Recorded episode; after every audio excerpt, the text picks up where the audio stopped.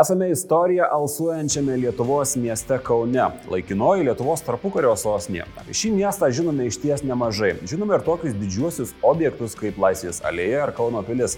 Tačiau akivaizdu, kad šis miestas turintis tokią turtingą istoriją slepia kur kas daugiau. Kviečiu pasivaikščioti po Kauno senamiestį. Ne viena intriguojanti istorija jau visai netrukus jūsų dėmesį.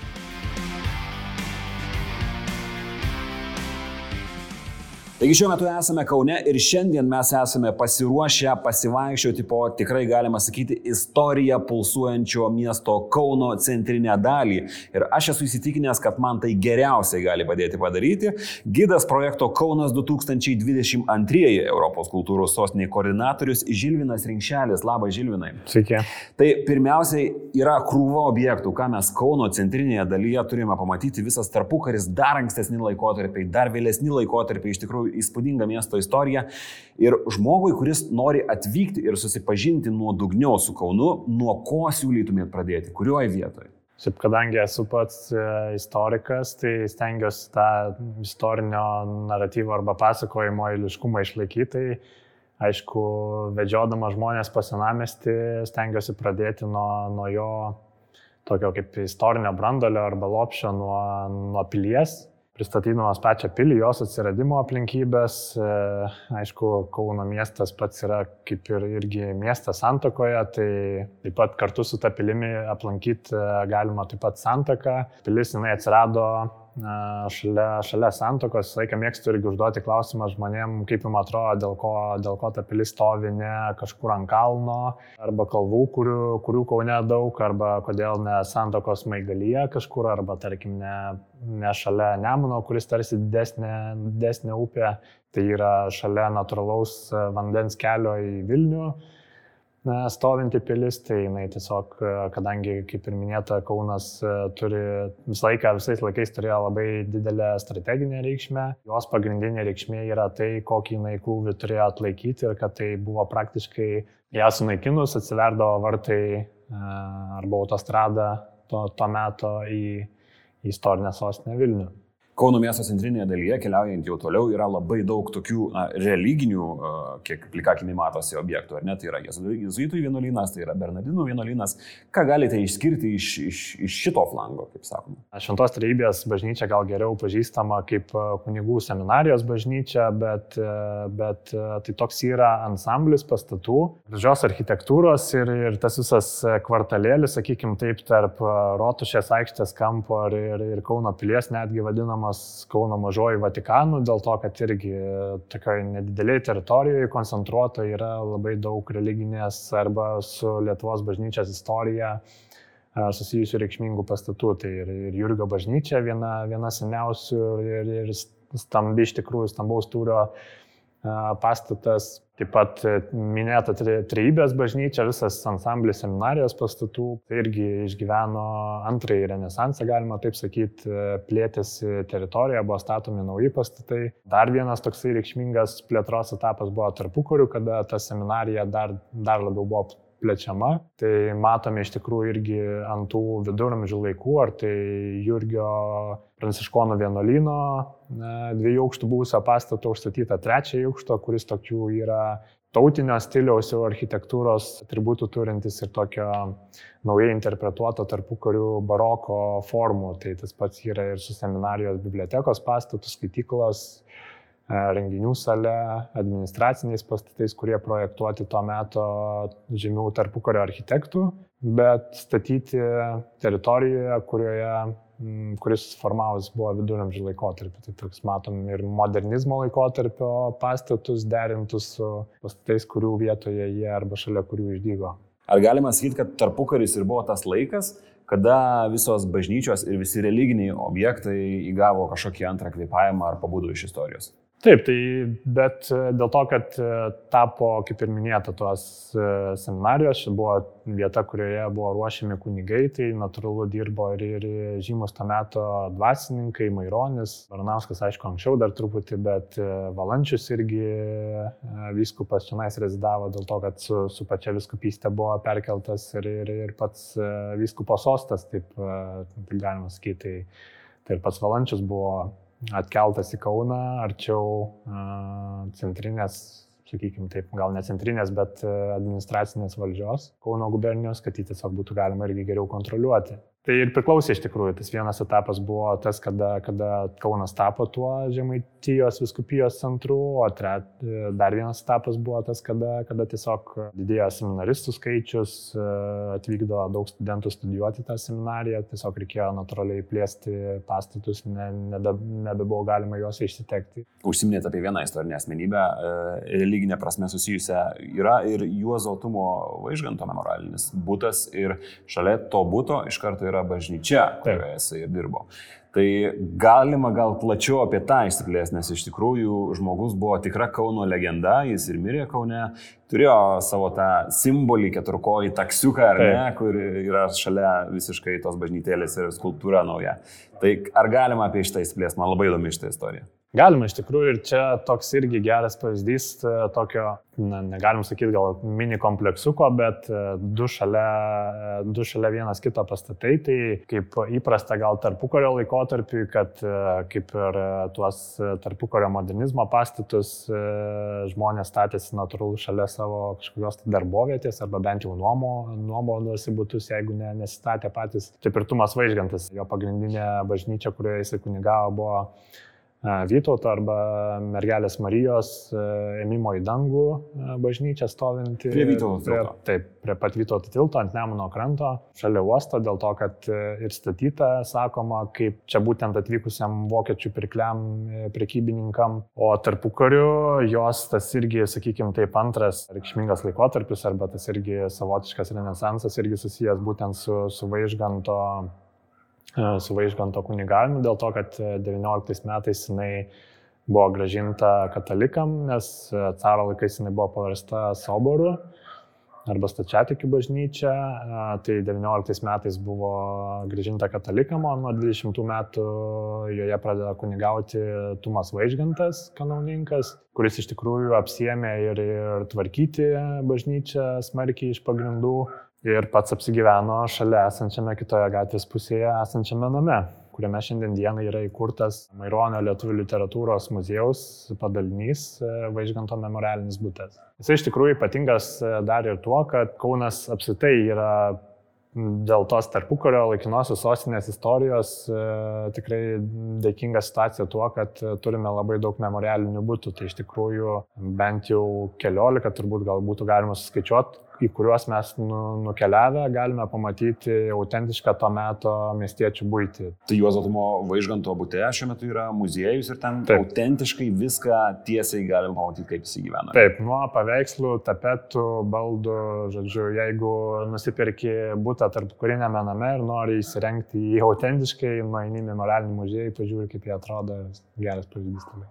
Šalia Juozo Tumo Vaižganto memorialinio būto yra labai daug religinių objektų, dar daugiau. Tai galima įsiplėsti dar apie juos, nes iš tikrųjų tas visas a, Kauno senamišio, ko gero galima sakyti, teritorija iš tikrųjų išsiskiria būtent tuo. Taip, kadangi tas Kauno senamišis, lyginant su, su Vilniaus, pavyzdžiui, senamišiu, nėra, nėra toks didelis, pakankamai koncentruotas, religinės paskirties arba bažnyčių, vienuolyjų pastatų yra praktiškai dėstosi aplinkui Rotušės aikštę. Dar vienas galbūt e, pakankamai senas objektas, jis gal nėra vizualiai e, šiandien dienai atpažįstamas arba randamas mieste, dėl to, kad e, kaip ir Jurgio bažnyčia, jinai buvo vienolyjos bažnyčia, tai reiškia, kad tai yra bažnyčia su šalia esančiu vienuolynu. Taip ir Vytauto Vytauto didžiojo arba mergelės Marijos įmimo į dangų bažnyčia, jinai irgi skaitėsi kaip ir vienolyjos bažnyčia, tai šalia jos buvo irgi pastatytas kiek vėliau pranciškonų vienolynas.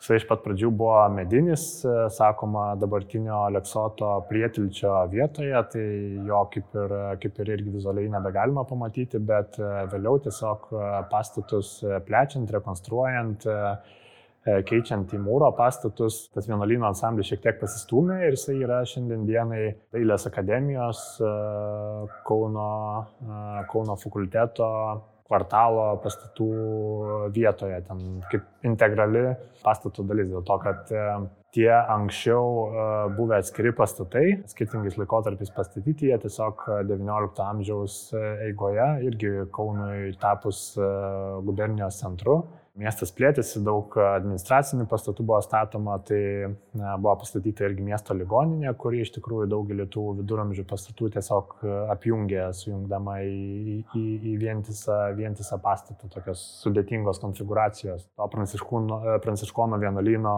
likučių ten galima matyti, aišku, reikėtų krepštyti tikriausiai tinka, jisai šiandien dienai yra užtinkuotas, bet tame ansamblėje iš tikrųjų yra dar vienas labai įdomus ir reikšmingas pastatas, tai ne per seniausiai buvo ir dar kartais kai kurie įvardina kaip Kauno valdovų rūmais. Iš tikrųjų toks pakankamai skambus pavadinimas. Labai skambiai pavadinimas, turiu pasakyti kaip teigiama architektūros istorikų arba archeologų, labai reikšmingas pastatas. Kampinis e, pastatas Rotušės aikštės e, vienas iš kampų keliaujant link e, Vytauto bažnyčios. Daugeliu kauniečių geriau žinoma kaip psichiatrijos ligoninė, dėl to, kad sovietmečių ta prieš tai buvusi caro laikais tarpu kurių taip pat tarnavosi kaip miesto ligoninė, jinai buvo paversta į psichiatrijos ligoninę, o vėliau iškėlus atiteko Dailės akademijos reikmėm. Bet, žodžiu, tas kampinis pastatas arba kampinis e, to pastato korpusas, jisai šiandien dieną yra restauruotas ir, ir jau pilnai restauruotas. Berots vasarą turėtų Liepos mėnesį e,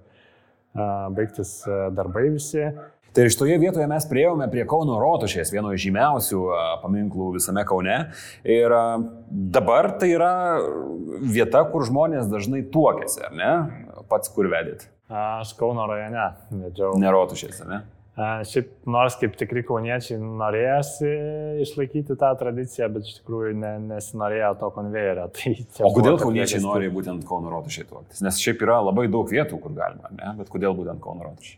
Tiesiog tas simboliškumas, turbūt paminkliškumas, simboliškumas, tai kad tituluojama miesto baltąją gulbę, gulbė irgi galbūt dažnai figuruoja irgi vestuvių, nežinau, atributikoje. O be vestuvių, vestuvių muzikantų ir kito viso folkloro, kokią istoriją slepia šitas pastatas? Šalia to savo ypatingos architektūros, išskirtinės architektūros, tai kad statyta praktiškai mm, skirtingais laikotarpiais, e, tai turi gotikos bruožų bruožų, baroko, klasicizmo, aišku, labiausiai jinai dabar gal reprezentuoja klasicizmo laikotarpį, restauracijų tvarkybų metu joje galima irgi ten išvelgti paliktą tokių fragmentų irgi gotikos laikotarpio, baroko laikotarpio. Jis reikšminga, aišku, irgi taip pat e, kaip miesto savivaldos simbolis, pirmiausia, turbūt tą reikėtų akcentuoti. Kauno kaip miesto atsiradimas tai yra susijęs su tuo, kad e, tiesiog valdovas nusprendė, kad e, bus teigiamas miestas, jam buvo suteikta savivaldos teisė, kuri ir e, garantavo tas, kad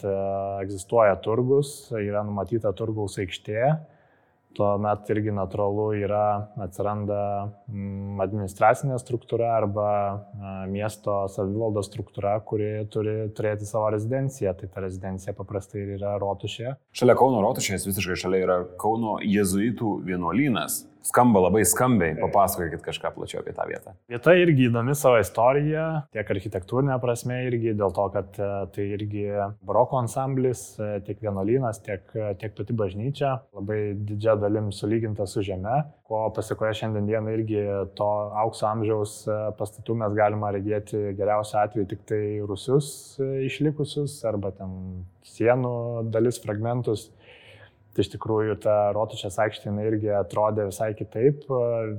Jezuitų vienuolynas atsirado pakankamai vėlai. Ir iš tikrųjų atsirado buvusių miestiečių namų privačių vietoje. Ten iš tikrųjų po dabartinę jezuitų bažnyčią arba vienuolynų slepiasi turbūt kokios 5-6 miestiečių buvęs klipai, ant kurių Rusių sugrautų namų, vėliau buvo pastatytas vienuolynas, Jezutų kolegija, tai yra mokykla, kurioje buvo mokoma visas tas ansamblis, kurį šiandien dienai matome visą tą išklotinę per, per, per visą kvartalą iš Rotušės aikštės, tai yra tas vienuolyno bažnyčios ir buvusios kolegijos pastatų ansamblis. Ir visiškai netoli mes turim dar vieną įspūdingą vietą, tik tai jau kalbėsime apie kitą laikmetį, ar ne? Šiek tiek primirštas, o gal ir neprimirštas faktas, kad Kaunas yra laikinojo sostinė. Tarpu kurių buvo, tai yra Lietuvos centras, Lietuvos lopšys, inovatiškiausias Lietuvos miestas, ar ne? Ir tai mena istorinė Lietuvos prezidentūra, kur visi tuo metu ryškiausi politikai ir rinkdavosi kartu nuo karto.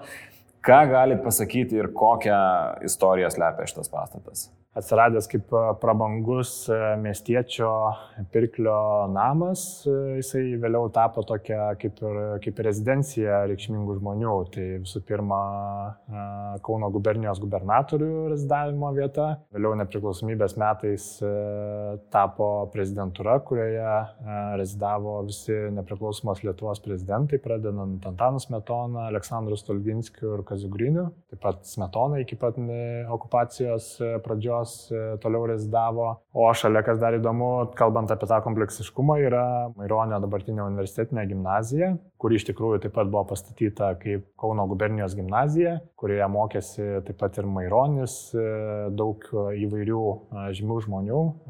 Jukaujama, kad turbūt Maironio gimnazija turi turbūt ant vieno pastato daugiausiai atminimo lentų. Keturias beros jos gal ten kabo ir ir kai kuriuose iš, jūsų, iš jų dar, man atrodo, ne, ne, ne po vieną asmenį yra įvardinta. Tai žodžiu, daug žymių žmonių mokėsi joje, bet šalia prezidentūros tai buvo irgi vieta, kurioje pasidžiavo Seimai. Tai buvo viena iš pradinių vietų, steigiamasis Seimas dirbo, paskui pirmas, antras, trečias biurots. Tai toks irgi valstybingumo kompleksas šalia prezidentūra, šalia Seimas, kuriame priesaikas būtent duodavo irgi tie išrinktieji prezidentai Stulginskis, Kazis Grinius. Turim tokį irgi dar ansamblį, irgi valstybingumo, kur keisit pastatų funkcijos, bet šiandienai turim tokį irgi valstybingumo ansamblį susijusi su tarp kurio laiko tarp Respubliką Lietuvos. Ir prezidentas Antanas Metona, berots, tame pačiame prezidentūros pastate ir gyveno tam tikrų laikotarpių. Taip, tai kiek žinau, visi berots gyveno prezidentūroje dėl to, kad vis tiek buvo numatyta Jeigu neklystų, gal Stulginskis rūpinosi tuo, kad būtų prezidentūra pritaikyta būtent ir ne tik tai rezidavimui, bet ir, ir gyvenimui, žodžiu, numatytos patalpos įrengtos ir gyvenimui tenais prezidento. Ir būtent ten vyko tas lemtingas e, posėdis, kuomet taip. Lietuva prieėmė sprendimą nesipriešinti. Taip, ne? Ir taip. Antanas Metona pasipūstė padus galiausiai į, taip. į vakarus. Sakoma, kad Vilnius yra daugia kultūris e, miestas, ar ne? Ar Kaunas per savo istoriją gali pasigirti kažkuo? Aš tai žinau, ar net pasigirti, tiesiog ar yra kažkokiu tai užsienio tautų pėdsakų Kauno istorijoje? Nebijotinai Kauno istorijoje tai įvairiais laikotarpiais taip pat įvairios na, įvairios bendruomenės vaidino reikšmingą vaidmenį. Miesto atsiradimo momentu ir, ir, ir jo pradinio vystimosi etapu labai didelę reikšmę vaidino vokiečių, e, vokiečių bendruomenė. Iš tikrųjų, tas miestas irgi nuvažiuotumėm į bet kurį e, vokiečių ordino miestą, pamatytumėm iš tikrųjų tiek daug panašumų, tiek architektūros, dėl to, kad ta visa įtaka e,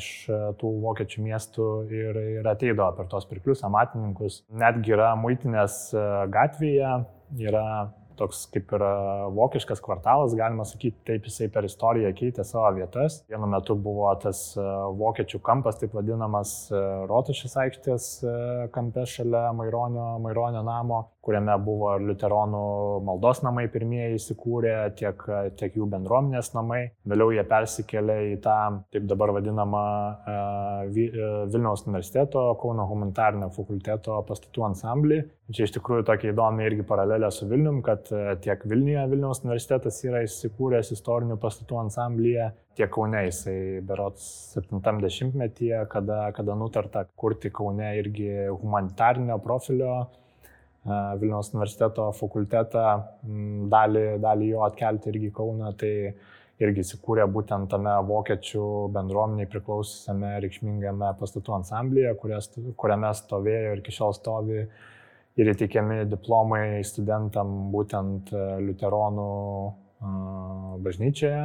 Taip pat yra rektoratas įsikūręs bažnyčios administracijos, ten berots, taip reikėtų sakyti, pastate. Taip pat e, kvartalas visas irgi turi tokių vokiškos architektūros bruožų, kurie būtent susiję, kur koncentravosi ta vokiečių, vokiečių tuometinė bendruomenė. Dar vienas įdomus toks irgi objektas ir nebijotinai reikšmingas - Paštulų Petro ir Povilo arkikatedra bazilika. Tai vienas e, stambiausių pagal, pagal tūrį gotikinių pastatų visoje Lietuvoje, berots. Tai aišku, irgi e, pati bažnyčia, jinai buvo kaip parapinė bažnyčia, kaip katedra, statyta e, ankstyvų tikrai laikotarpių, e, Vytauto funduota, tiek, kad jinai statoma buvo kelišimtus metų, statybos tiesiog truko visą laiką. Kodėl? Na, sakoma, kad apstai viduramžių miestai, apstai miestas yra dinamiškas, obje, e, jisai niekada nestovi, visą laiką kažkas yra naujo statoma. Taip ir viduramžių miestas, e, sakoma irgi kai kurių archeologų, kad e, tai yra miestas, kuriame tu pastoji, matysi pastolius. Tai ar tai bažnyčia kažkokia kyla, ar tai pastatai ir panašiai. Kadangi miestas vienijo didelę priklių bendruomenę, tai, žodžiu, daug ir priklių, manau, prisidėjo irgi finansuodami tos bažnyčios statybą. Ir, iš karto buvo numatyta kaip e, didelė, didžiulė katedra, bet e, tos statybos tiesiog dėl to ir ilgai užtruko, dėl to, kad e, pastatas buvo kompleksiškas, tai net ir šiandien dienai mes ją galime matyti irgi taip pat netinkuotą raudonų plytų, bet joje yra ir, kadangi statybos užtruko labai ilgai, tai galima matyti irgi baroko bruožų, renesanso bruožų ir galiausiai ta mano minėta gotika, tai jinai netgi ir kai kurie paskiausi koplyčios buvo pristatytos tai jau neogotikos laikais, kuri, kuri mm, antrą kartą išgyveno, sakykime taip, savo aukso amžių, tai XIX amžiui, kada buvo iš naujo interpretuojami tie istoriniai stiliai, tai dėl to ir vadinasi neogotika. Toliau dar keliaujant Vilniaus gatve, tai e, taip pat su, su ta pačia katedra susijęs objektas e, karališkoji karčiama, aišku, irgi kaip ir perkūno namų atveju, tai atmintyje miestiečių, turistų yra vis dar pristatomi tie pastatai kaip na, perkūno namas, nors tai su perkūno nei dievybė, nei, uh, nei asmenį nieko neturi bendro. Tas pastatas tiesiog įdomią ir gražią legendą, taip ir karališkoji karčiama irgi yra dėl istorinių dokumentų netitikimo arba tiesiog įvairių interpretacijų buvo interpretuojama kaip uh, tiesiog prabangus uh, pastatas, visuomeninis stovėjęs ant pagrindinio kelio į Vilnių irgi su sausumos, dėl to ta gatvė ir vadinasi Vilniaus, dėl to, kad e, iš jos keliaujama tiesiu, tiesiu taikymu į Vilnių. Manoma, kad čia ir stovėjo ta karčiama karališkoji, bet iš tikrųjų vėlesni istoriniai tyrimai parodė, kad tai yra tiesiog e, Kauno katedros e, klebonija. Kadangi katedra stambi ir didelė, tai ir klebonijos pastatas irgi atitinkamo dydžio. Na ir galiausiai mus dar e, taip pat keliaujant toliau pasitinka vienas ilgą laiką jame veikia humanito knygynas, kuniečiam puikiai pažįstamas. Gaila dėja paskutiniu metu nepersiniausiai pranešė, e, kad išsikelia, apleidžia patalpas, bet e, taip pat galime pamatyti tokį būdingą irgi to laikotarpio gotikos, renesanso, irgi pirklio arba miestiečio namą, kuriame taip pat pirmojo aukšto, kuris yra senesnis negu vėliau statyti antras aukštas pamatyti taip pat e, tą minėtą perdegtų plytų rombo ornamentą e, sienose kaip pašybinį elementą. Ir galiausiai keliaujant link e, istorinės prezidentūros, dar taip pat vienas reikšmingas objektas, šiek tiek nutolęs nuo, nuo, nuo to bažnyčių vienuolynų koncentrato. Tai yra Dominikonų buvęs vienuolynas Švento kryžiaus bažnyčia, kuri tokia irgi buvo, kadangi, kaip ir minėta, tas miesto riba jam augant keitėsi, tai Tai buvo irgi viena iš miesto ribų. Iš, ta bažnyčia jinai statoma jau buvo baroko laikotarpį miesto pakraštyje. Šiandien dieną jinai dar yra senamišio ribose, bet reikšminga ir įdomi tuo, kad prie jos pošybos dirbo meistrai, kurie puošė taip pat ir pažaislio vienuolyną. Tai iš tikrųjų jinai mm, ne tik tai reprezentuoja e, baroko laikotarpį, bet e, galima, galima įsivaizduoti, ikonografijos yra likę labai mažai, kaip jinai atrodė, bet iš tikrųjų vien tai, kad e, prie jos dirbo tie, mm, tie patys meistrai, kurie dekoravo ir pažaislio vieną. Užsirekomendavo pažaislį ir paskui. Taip, tai galima įsivaizduoti, kad irgi ir panašių pošybinių elementų buvo ir tikrai atrodė labai puošni ir prabangi. Vėliau toji bažnyčia jinai buvo pavadinta Sakramento bažnyčia, jinai taip pat buvo viena iš tų bažnyčių, kuri caro laikais irgi nukentėjo ir išgyveno konversiją, buvo paversta cerkvė, o nepriklausomybės metais dėl šalia būsios gimnazijos e, patapo jaunimo, studentų irgi taip pat e, pravardžiuota bažnyčia dėl to, kad e, joje daug meldėsi arba į pamaldas keliaudavo į mišes, lankydavosi studentai, moksleiviai. Tai buvo kažkaip pašiepiama ta vieta, kad studentų vieta? Ne, ne, ne, nepašiepiama, nepašiepiama tiesiog irgi gavo tokį kaip ir antrą vardą, sakykime, taip, jaunimo bažnyčios. Ką žmonės labiausiai išskiria, kur nori pamatyti, ar jūs vis tiek stebėt jų susidomėjimą, kur jie labiausiai nori nueiti ir į ką jie labiausiai reaguoja? Šiaip turbūt įsiskiria dar e, tos grupės. Vienos turbūt yra tos, kurios e, pasiduoda visiškai į gydo rankas. Ir kitos e, maištauja. O kitos, kurios maištauja. Ir nori eiti į prekybos centrą. Arba diktuoja tos, tos objektus, kuriuos nori pamatyti.